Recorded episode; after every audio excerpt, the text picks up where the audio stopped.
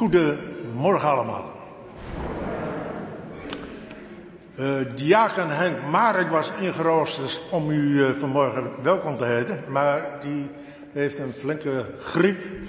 En vandaar dat ik als invaller u vanmorgen hartelijk welkom mag heten, hier in de bron. Fijn dat u gekomen bent en dat welkom dat geldt ook voor gast in ons midden. Ik zou zeggen, doe maar met ons mee en we hopen dat u zich een beetje thuis zult voelen hier in de bron. En natuurlijk ook welkom u en jij die de dienst online thuis met ons meemaken. We hopen dat u en jullie uh, zich met ons verbonden zult voelen. Vanmorgen is onze voorganger mevrouw Joke van Beveren. Zij is werkzaam in Boven-Smilde en in onze wijkgemeente Vredenoord als pastor en kerkelijk werker. Fijn dat je er bent en we hopen samen op een uh, gezegende en inspirerende dienst. Jenny Kloosterhuis is vanmorgen onze organist. Uh, verder werken mee de mensen van de techniek en de koster uiteraard. Frederik Scheper is vanmorgen onze lector. In de kerk benoemen we dat Christus het licht is in deze wereld. En als symbool van dat licht worden de kaarsen hier voor mij nu aangestoken. En dat zal Harma Heuving vanmorgen doen.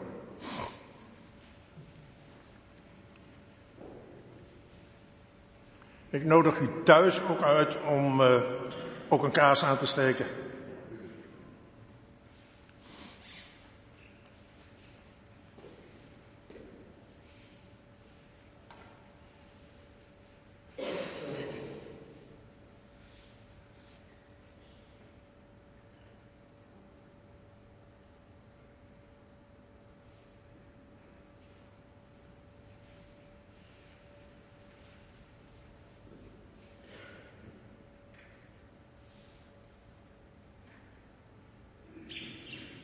Bedankt, Harma.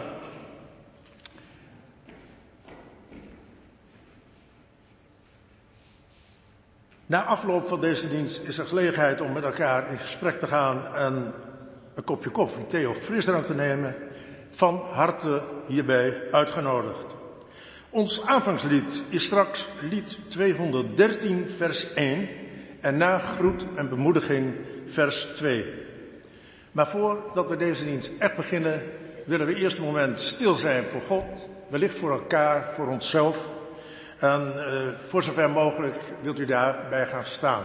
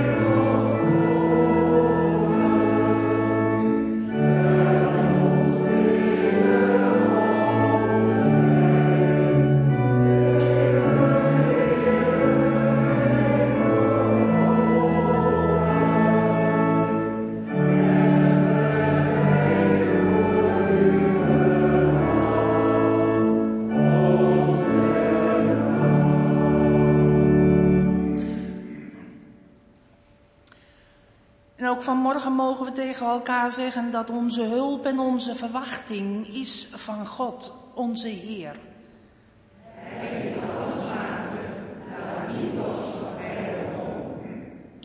Zie ons aan, samengekomen in dit heiligdom.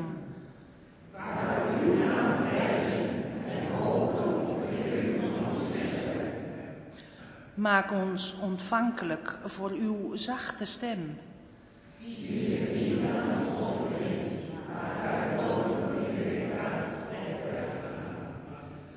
Schenk ons een, moment van samen. Schenk ons genade en vrede.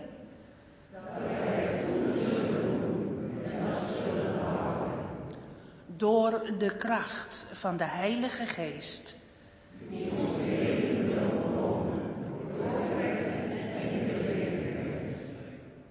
Genade en vrede is met ons van God de Vader van Christus de Heer, door de Heilige Geest. Amen. Zingen we het tweede couplet van lied 213.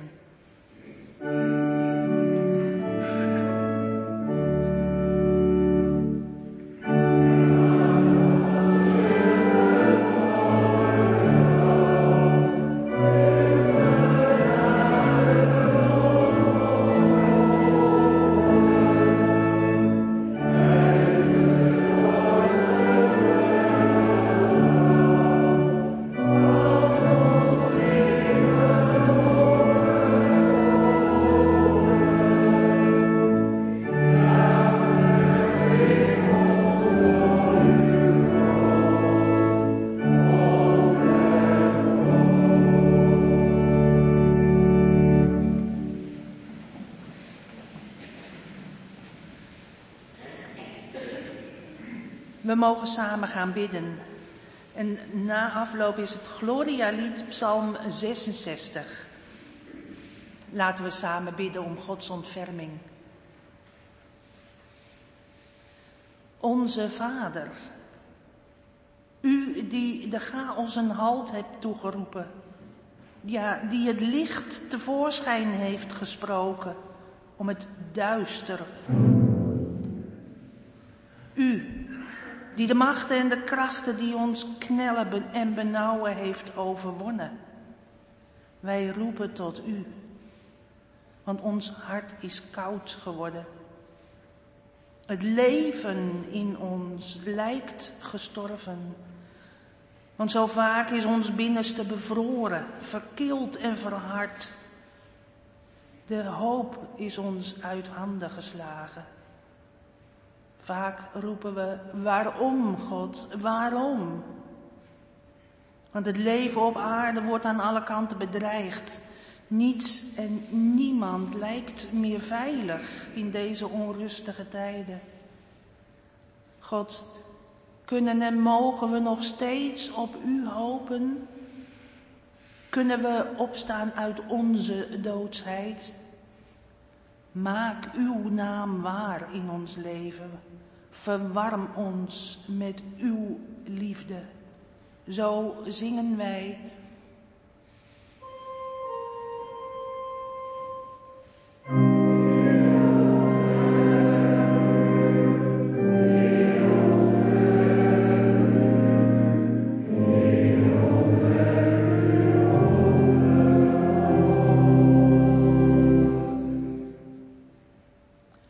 God, het water staat ons aan de lippen. In golven overspoelen zoveel mensen op drift geraakt de zielen door droogte. Armoede, geweld, oorlog. Wij roepen naar u, God, onze toeverlaat. Want u heeft toch de aarde gegrondvest. Wees dan onze rots. U zoekt wie verloren dreigt te gaan. Wees dan onze herder. U zegt, u laat niet los wat uw hand begonnen is. Wees dan ook nu vandaag onze hulp. Zo zingen wij.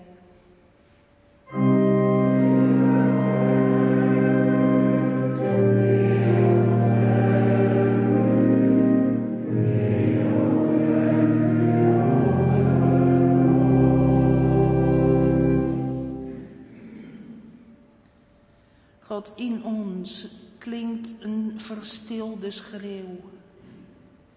Want er is soms zoveel wanhoop om alles wat gebeurt. En het doet zeer dat het leven zo moeilijk kan zijn. Soms schuurt het omdat we niet weten hoe het verder moet. God ontbreek ons dan niet. U ziet het hart aan en wij bidden om uw bescherming. We roepen tot u om kracht. Heer, dat we tot rust mogen komen in de geborgenheid van uw vleugels. Zo zingen wij.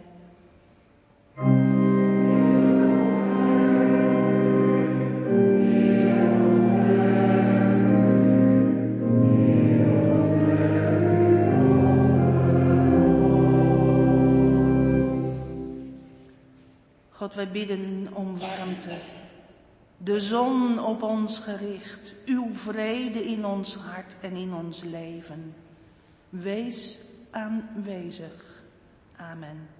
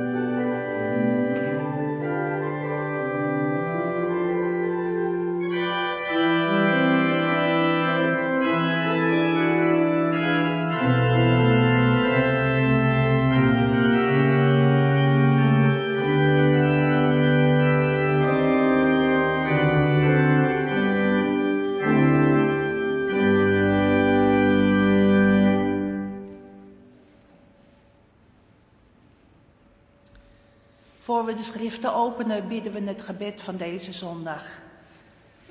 Trouwe God, maak ons vertrouwd met uw woorden, opdat wij ervaren hoe u tot ons spreekt door Jezus, uw Zoon, in wie uw beloften in vervulling gaan, dit uur en alle dagen van ons leven.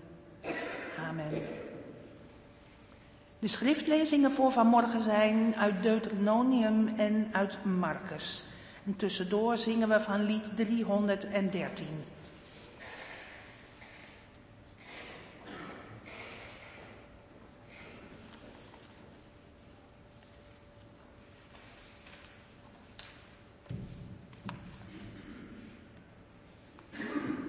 Hij zal in uw midden steeds weer een profeet laten opstaan.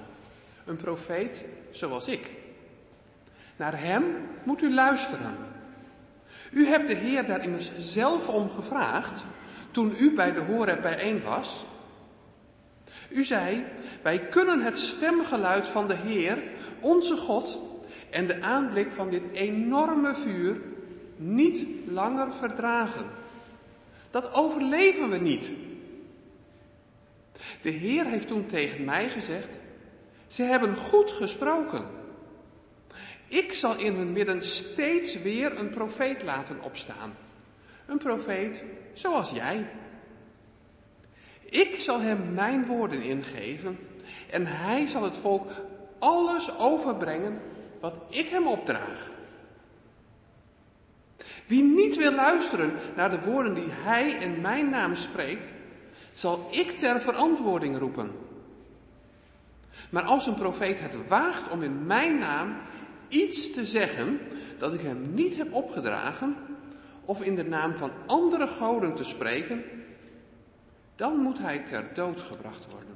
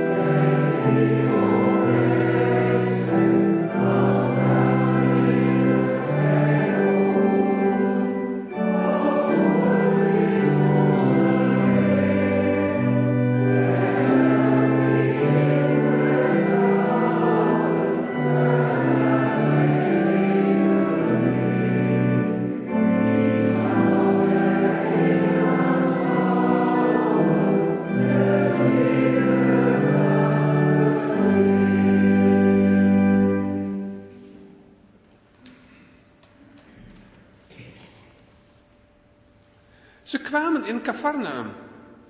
En op de eerstvolgende Sabbat ging Jezus naar de synagoge en onderwees er de mensen.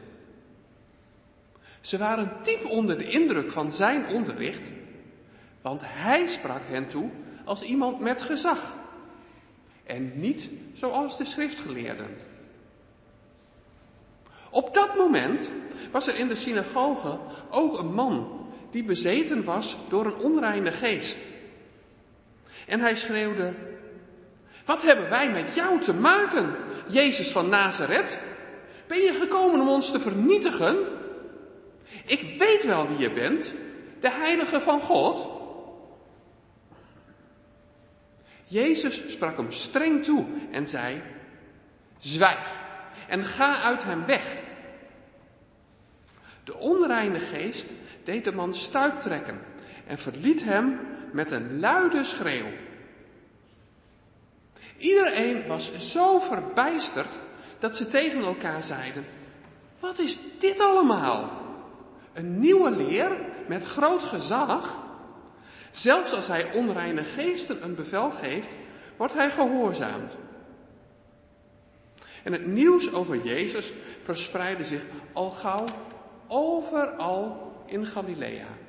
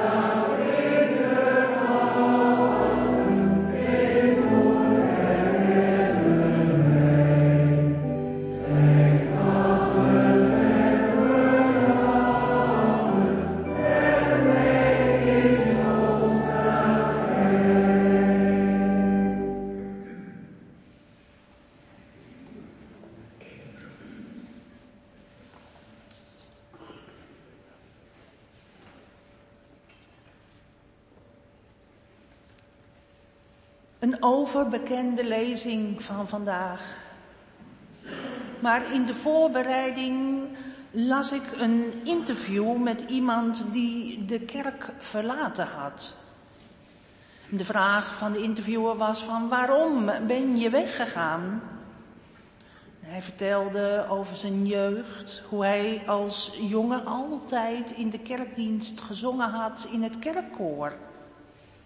Veel had meegekregen van de christelijke traditie en dat hij ervan was gaan houden. De rituelen en de muziek. Maar toch, ik geloof niet meer in de God van de Bijbel. Daar heb ik afscheid van genomen. Maar hoe is dat dan zo gekomen? Nou, zoals het bij zoveel mensen gegaan was, was het begonnen met het afzetten tegen zijn ouders. En daar kwam bij, toen hij ouder werd, dat de inzichten bij de dingen die te maken hadden met oorlog en vrede hem zo tegen gingen staan. Ieder riep maar dat hij het gelijk aan zijn kant had. En wat moet ik daar dan mee? God heeft niet definitief met gezag gesproken, zo is het en daar moet je je aan houden. Zijn persoonlijke ervaringen met de dood en lijden zetten hem nog weer een stapje dichter bij het afscheid. Twee van zijn broers die stierven jong. En een goede vriend van hem ging na zijn studie helemaal een depressie door. Zozeer dat ze hem weg moesten brengen naar een instelling. En dat maakte dat hij ging nadenken. Waarom is dit nu toch nodig? Ik kon er geen betekenis meer aan geven, vertelde hij. En dat maakte dat hij brak. Met de gedachte dat er een God zou zijn die zich persoonlijk bezig hield met jouw leven. Maar je toevertrouwen aan God, zou dat niet een troost kunnen zijn, vroeg de ander. Dat God op een of andere manier het lijden hier en nu straks goed maakt. Dan kun je toch getroost weer verder. Nee, zei hij. Zo geloven, dat lijkt veel op een verzekeringspolis. En daar heb ik afstand van genomen. Het was een bijzonder openhartig gesprek, wat me raakte terwijl ik het zo las. En ik dacht bij mezelf, ja goed, hij is natuurlijk niet de enige die zich al denkend losmaakt van de kerk, van het geloof, de God uit de verhalen. Hij is niet de enige die afscheid neemt van een vast omlijnd beeld, wat je misschien vroeger allemaal wel hebt meegekregen. Het beeld van een God die overal voor zorgt. Zo van, jongens, stil maar, wacht maar beeld waar veel meer mensen mee groot zijn gebracht en wat maakt dat je dan inderdaad op een gegeven moment misschien wel in je leven vastloopt. Omdat het niet meer rijmt met hier en nu. Want er is lijden. Er is dood. Er is verdriet. Er is soms wanhoop zijn allemaal gegevens die horen bij het leven. En het is een beeld wat mensen gaandeweg behoorlijk kan in de weg zitten. Het kan je verhouding tot God op allerlei momenten, ja, tot een verwarrende of een benauwde zoektocht maken. Maar ik dacht ook aan de andere kant, wat is het toch jammer dat er in sommige levens voor dit beeld geen ander beeld is terechtgekomen. Want de Bijbel spreekt immers in zoveel verschillende beelden over God. Ieder verhaal op zich laat een ander aspect van God zien, hoe Hij meegaat in levens en van mensen en volkeren. Ze zijn er. Mensen die zich aan een beeld van God die alles goed maakt, straks, later, kunnen toevertrouwen. En dat is mooi. Wanneer dat genoeg is voor je. Maar voor al die mensen die dat niet kunnen rijmen, met alles wat er niet goed gaat in onze wereld, kunnen we daar ruimte voor maken. Voor een ander beeld, minder vast omlijnd misschien wel. Vanmorgen biedt Marcus ons zo'n alternatief. Je zou van hem kunnen zeggen dat hij dat heldere, vast omlijnde godsbeeld van degene die alles goed maakt in het evangelie in handen neemt en er heel voorzichtig aan boetseert. Dat beeld, dat moet even iets anders worden. Totdat er omtrekken zichtbaar worden van iets minder grijpbaar. Dat doet hij op zijn eigen manier over het leven van Jezus te vertellen. Vanaf het begin van zijn optreden brengt Jezus bij mensen iets teweeg dat ze nog niet eerder hadden meegemaakt. Hij praat niet alleen over God, maar in hem herkennen de mensen iets van God, zegt Marcus. Gods geest is in hem. En dat maakt dat ze in zijn nabijheid opgaan in een ander licht in hun leven. Ze worden bevrijd, genezen, opgestaan, kunnen ze doorgaan met leven. Ze worden begeesterd. En door de manier waarop Jezus de schriften uitlegt en de manier waarop hij met mensen omgaat, merken ze, hij heeft gezag. En dat zal ermee te maken hebben dat het wat samenvalt met wat hij zegt en vervolgens ook doet. Het is één. Alles lijkt beter te worden, nieuw te worden. Een, een ja, manier van ademen die oplucht. En natuurlijk willen ze dan Jezus bij zich houden. Zo'n groot spreker met macht en gezag, ja, die willen we vasthouden. Maar zodra Jezus dat gevoel krijgt, dat mensen hem willen vasthouden, ergens op vastpinnen, dan vertrekt hij, vertelt Marcus.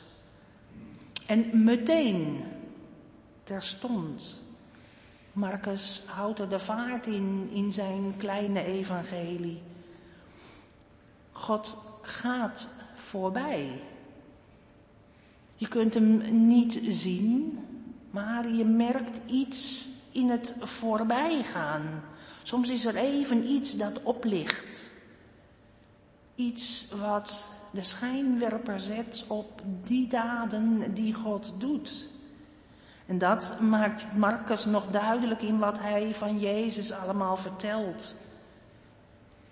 Wie door Jezus is bevrijd, weer, weer op de been is geholpen, moet daar niet te veel woorden aan vuil maken. Ga en leef, zegt Jezus. Doe als ik.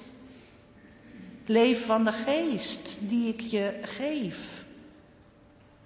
Het is blijkbaar niet de bedoeling, zoals Marcus beschrijft, dat de mensen in Jezus iets zien als de grote goedmaker een wonderdoener en verder niet. Nee, dat is niet de bedoeling. Wij moeten niet zo naar God kijken. God is iemand die met ons meegaat. In alles. Maar als wij onze oren en ogen niet open houden, merken we daar niets van. Hoe moeten we dan wel kijken? Het antwoord op deze vraag ligt besloten in het verhaal van de bezeten man. Die onreine geest. Het speelt zich af op de Sabbat. De dag waarop een mens ruimte krijgt om even afstand te nemen van de dagelijkse bezigheden, van alles wat je vervult. Een dag zoals vandaag, om je opnieuw te oriënteren op de wijsheid die in de Bijbel te vinden is.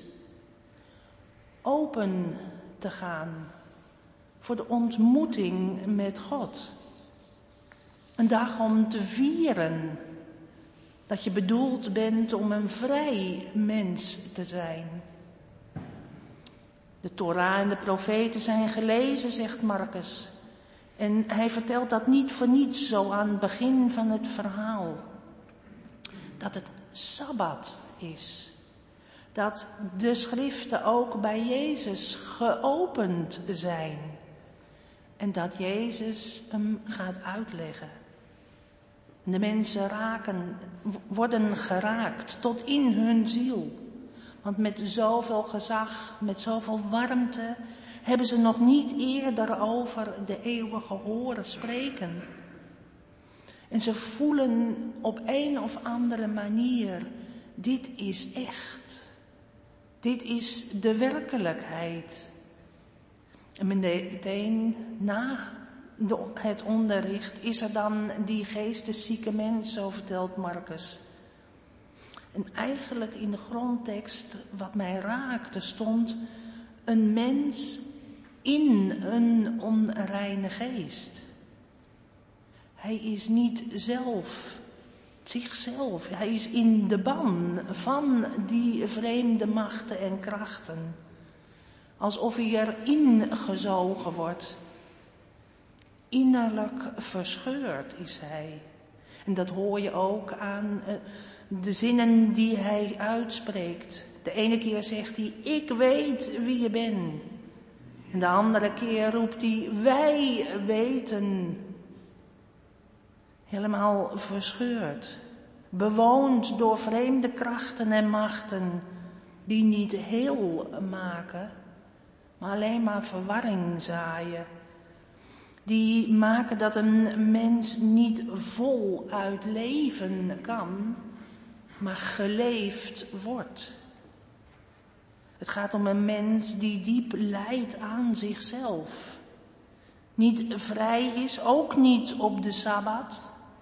Want die boze geesten zijn er altijd en achtervolgen hem waar hij ook gaat. En dat verdraagt Jezus niet. Want wie bezet wordt door een onreine geest, die raakt het spoor bijster. Dan raak je gedesoriënteerd. En dan kom je er niet aan toe om te leven zoals je bedoeld bent. Om lief te hebben. God en je naaste als jezelf. En daarom spreekt Jezus een bestraffend toe. Zwijg. Ga van hem uit. Anders gezegd, zegt Jezus tegen die mens, kom tevoorschijn. Laat je zien wie je in wezen bent. En die onreine geest die neemt onder luid geschreeuw de benen. Het is alsof Jezus op dat moment de mens teruggeeft aan zichzelf. Als hij opnieuw geboren wordt. Jezus zet de man in zijn eigen kracht, zodat hij niet langer wordt geleefd, maar zelf kan leven. En het verhaal lijkt de indruk te wekken dat dit van het ene op het andere moment toen gebeurde.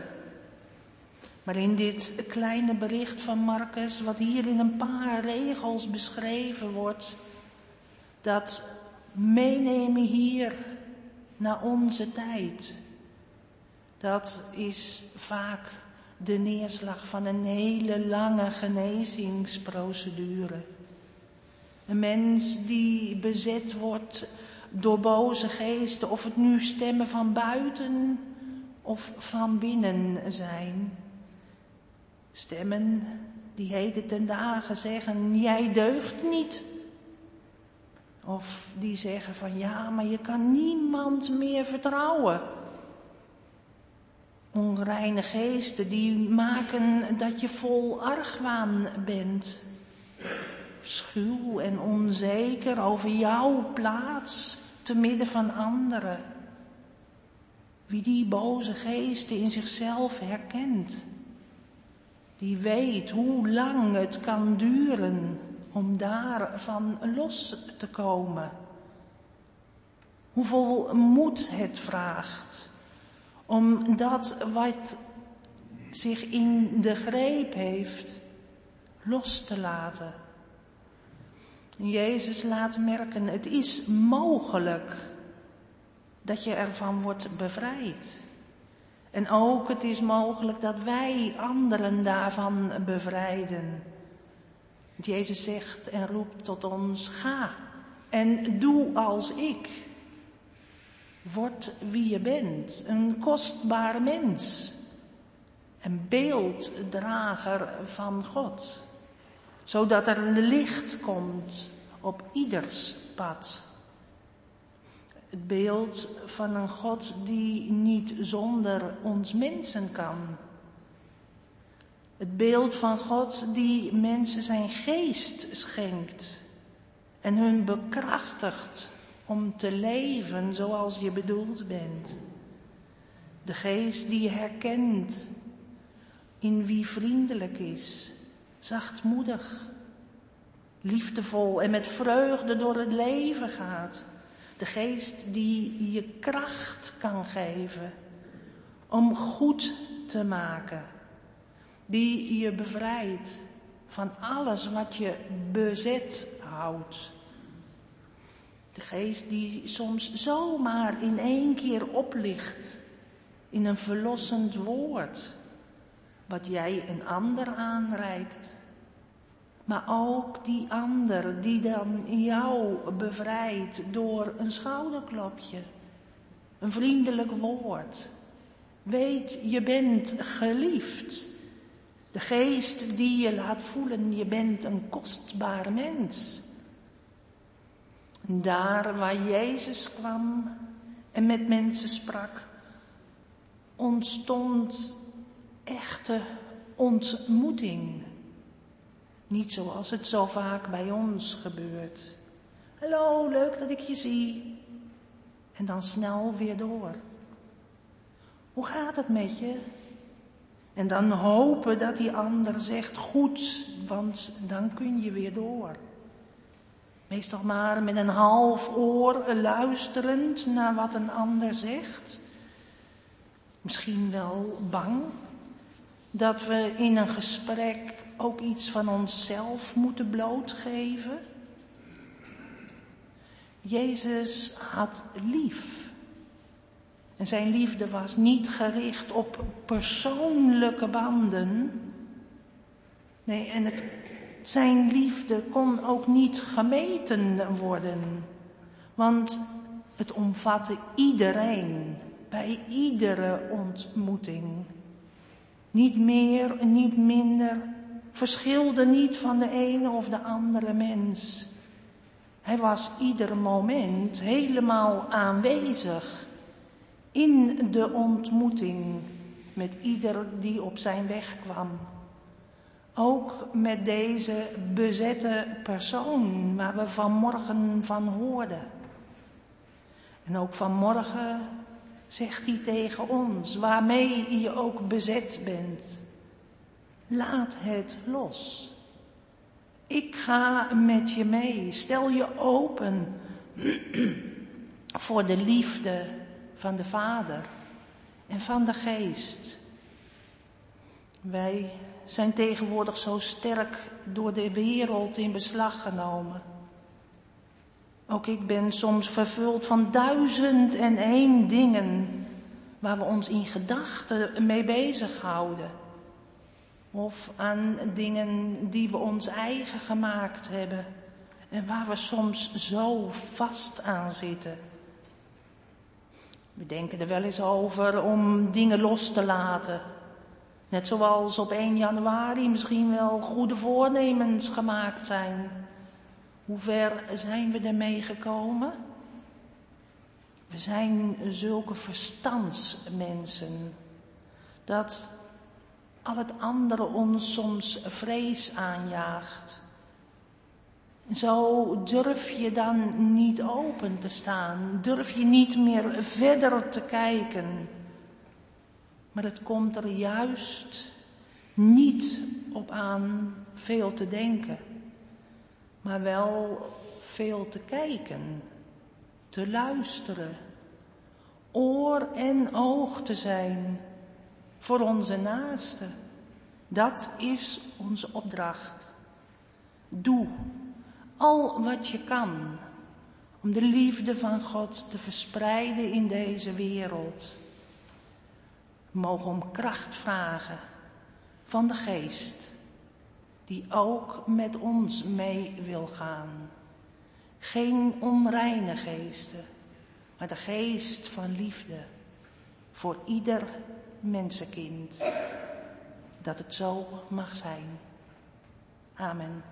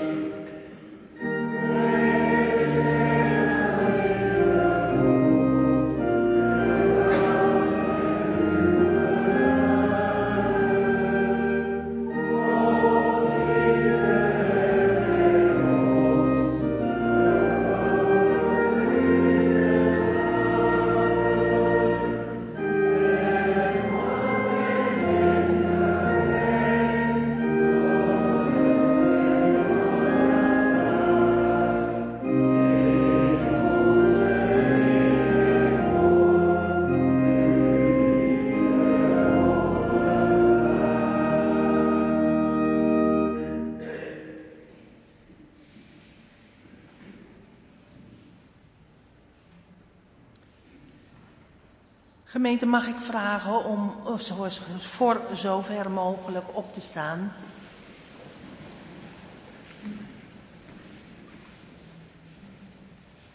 Op woensdag 17 januari is overleden Pietie Leijzenga. In de leeftijd van 77 jaar. Pietie laat haar lieve man Jans achter en drie kinderen. Ze was tot voor kort nog contactpersoon in onze gemeente. Wat ze met veel liefde en zorg deed. En ook altijd heeft ze zich erg ingezet voor Roemenië. De herdenkingsdienst was afgelopen maandag, de 22e, hier in de bron. Waarna ze in Damwoude in het familiegraf is begraven. We gedenken Pietie met een lied van de liefde van Siets de Vries. We ontsteken een kaarsje, leggen de steen in de schaal en zijn een moment stil.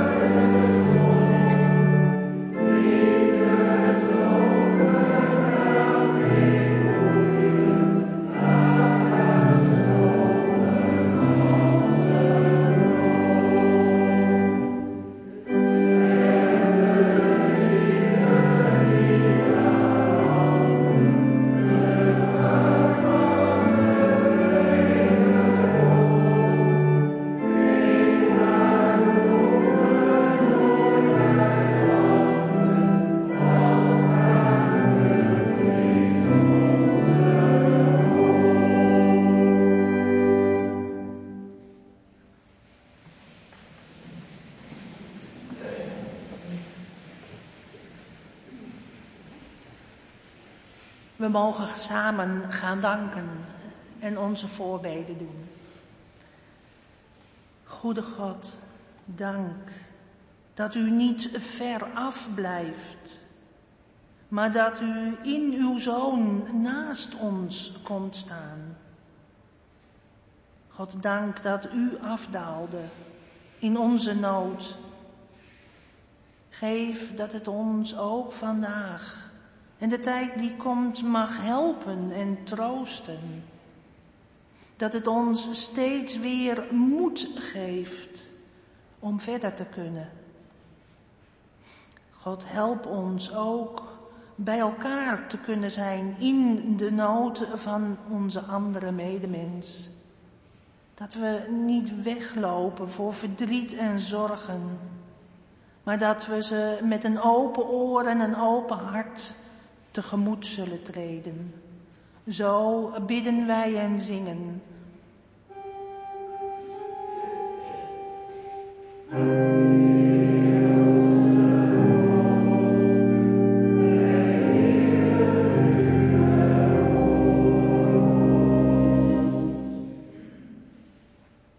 God, wij bidden u voor verdrietige mensen voor mensen die denken aan een geliefde die ze moesten afstaan aan de dood. Vandaag in het bijzonder de geliefden van Pietie Leijzenga. haar Jans en de kinderen. Maar God geef hen niet alleen moed om verder te kunnen, met slechts herinneringen aan geliefden. Help ieder van ons, ieder met zijn eigen verliezen. Help ons om als mens om iedereen heen te staan. Om bij mensen te zijn in verdriet en zorgen en er niet voor weg te lopen. Zo bidden wij en zingen.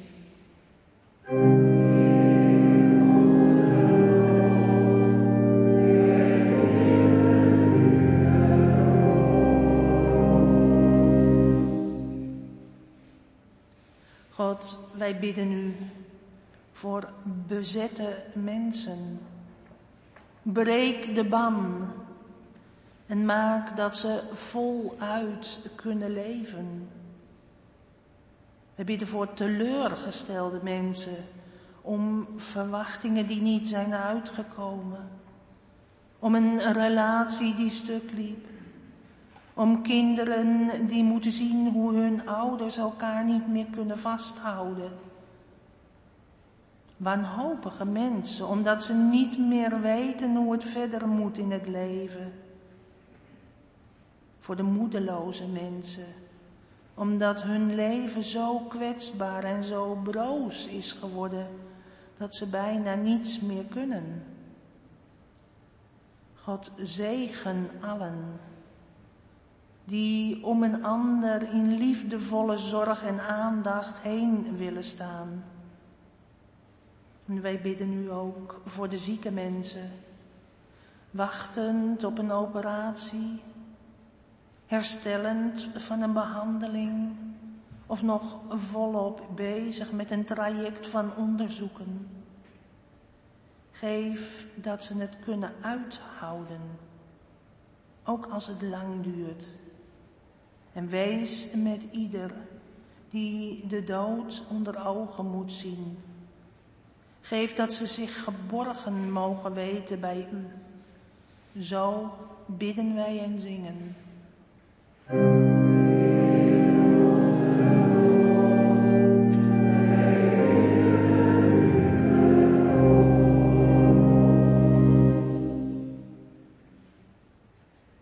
Heer, er is zoveel om voor te bidden. Hoor ons als we dat in stilte doen.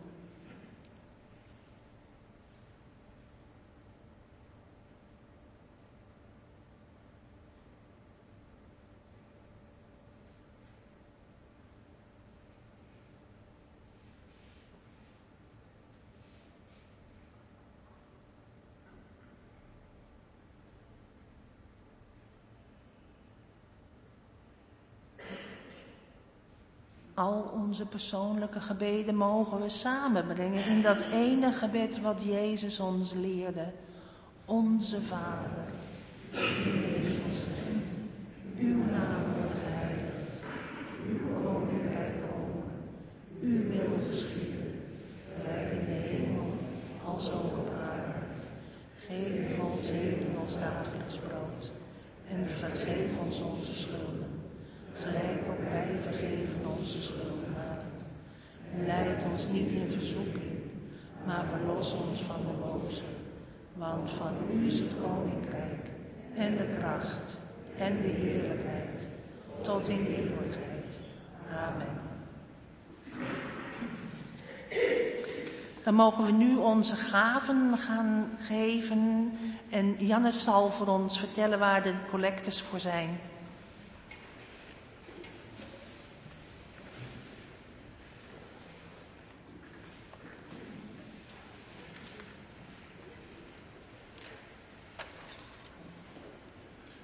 Uh, de bloemen. Namens de ontmoeting gaan deze naar Anneke Oskamp aan de Boslelie. We leven met haar en met haar gezin mee vanwege ingrijpende gebeurtenissen de afgelopen week in familiekring. De bloemen uit de bron zijn deze week bestemd voor Jan en Henny Gomme. Hekman aan de Magrietstraat. We willen op deze manier onze dank uitspreken voor het vele werk dat Jan er op de achtergrond zijn vrouw verricht voor de uitzendingen van onze kerkdiensten. Nou, ze zitten samen in de kerk en we hebben afgesproken dat ze na afloop uh, de prachtige bloemen meenemen. Geniet ervan. Dan heb ik nog een afkondiging. Uh, de protestantse kerk Assen doet weer mee aan de traditionele paaskaartenactie. U kunt een groet sturen aan een gevangene. Informatie staat onder andere in de zondagsbrief en op het instructiebriefje bij de kaarten. U kunt vandaag hier in de bron en op 4 februari in de opstandingskerk en op 11 februari hier weer in de bron de kaart meenemen naar huis. Inleveren kan dan op 4 februari in de opstandingskerk, 11 en 18 februari hier weer in de bron. Nou, de kaarten, de instructie en de informatie liggen achter in de ontmoetingsruimte op de tafel. Neemt u er een mee. Uh, dan de collecten. De eerste is uh, voor de diaconie met bestemming interactief bijbelspel voor jongeren. En voor meer informatie verwijs ik u graag naar het artikel in het laatste kerkblad op pagina 4. Collecte 2 is bestemd voor pastoraat en eredienst en met uitgang wordt er zoals gebruikelijk gecollecteerd voor onderhoud van de gebouwen. Nou, hoe u verder nog kunt bijdragen, dat weet u zo langzamerhand wel. Er staat ook nog wat, denk ik, op de beamer. Maar uh, u kunt ook altijd doneren op het, uh, op het bekende nummer van de kerk. Nou, dat gaan we nu collecteren.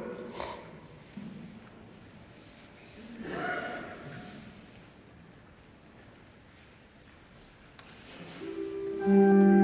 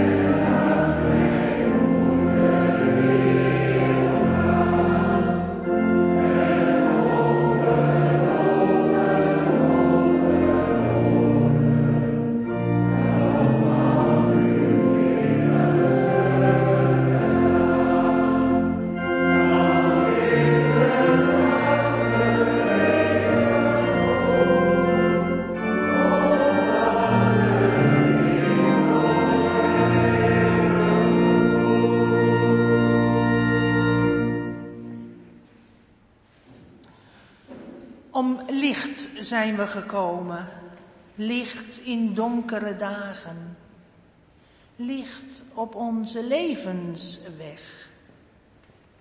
Om warmte zijn we gekomen, warmte voor koude handen, warmte die de kou uit onze harten verjaagt.